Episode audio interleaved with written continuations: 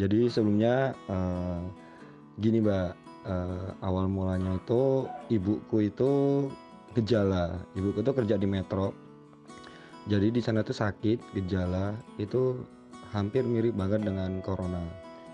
Habis itu ibuku pulang ke sini, ke Pringsewu, terus di rumah itu, eee, isolasi diri, tapi aku ngelihat gejalanya itu semuanya sama kayak corona. Terus habis itu, eee, dibantu sama bosnya untuk cek darah di Rodia Metro dan dari situ hasilnya negatif.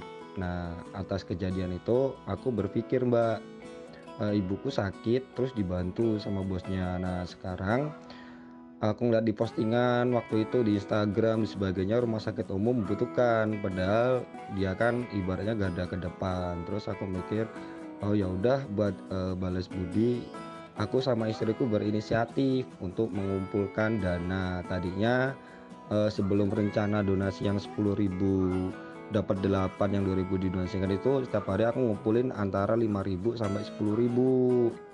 Tapi kok lama, nah terus punya ide lah kayak gitu untuk, eee, berdonasi. Tadinya sih sempet ragu gimana responnya, ya dengan apa ya, dengan bantuan temen-temen, di-share, di-repost dan sebagainya, alhamdulillah sampai terkumpul dana Rp600.000.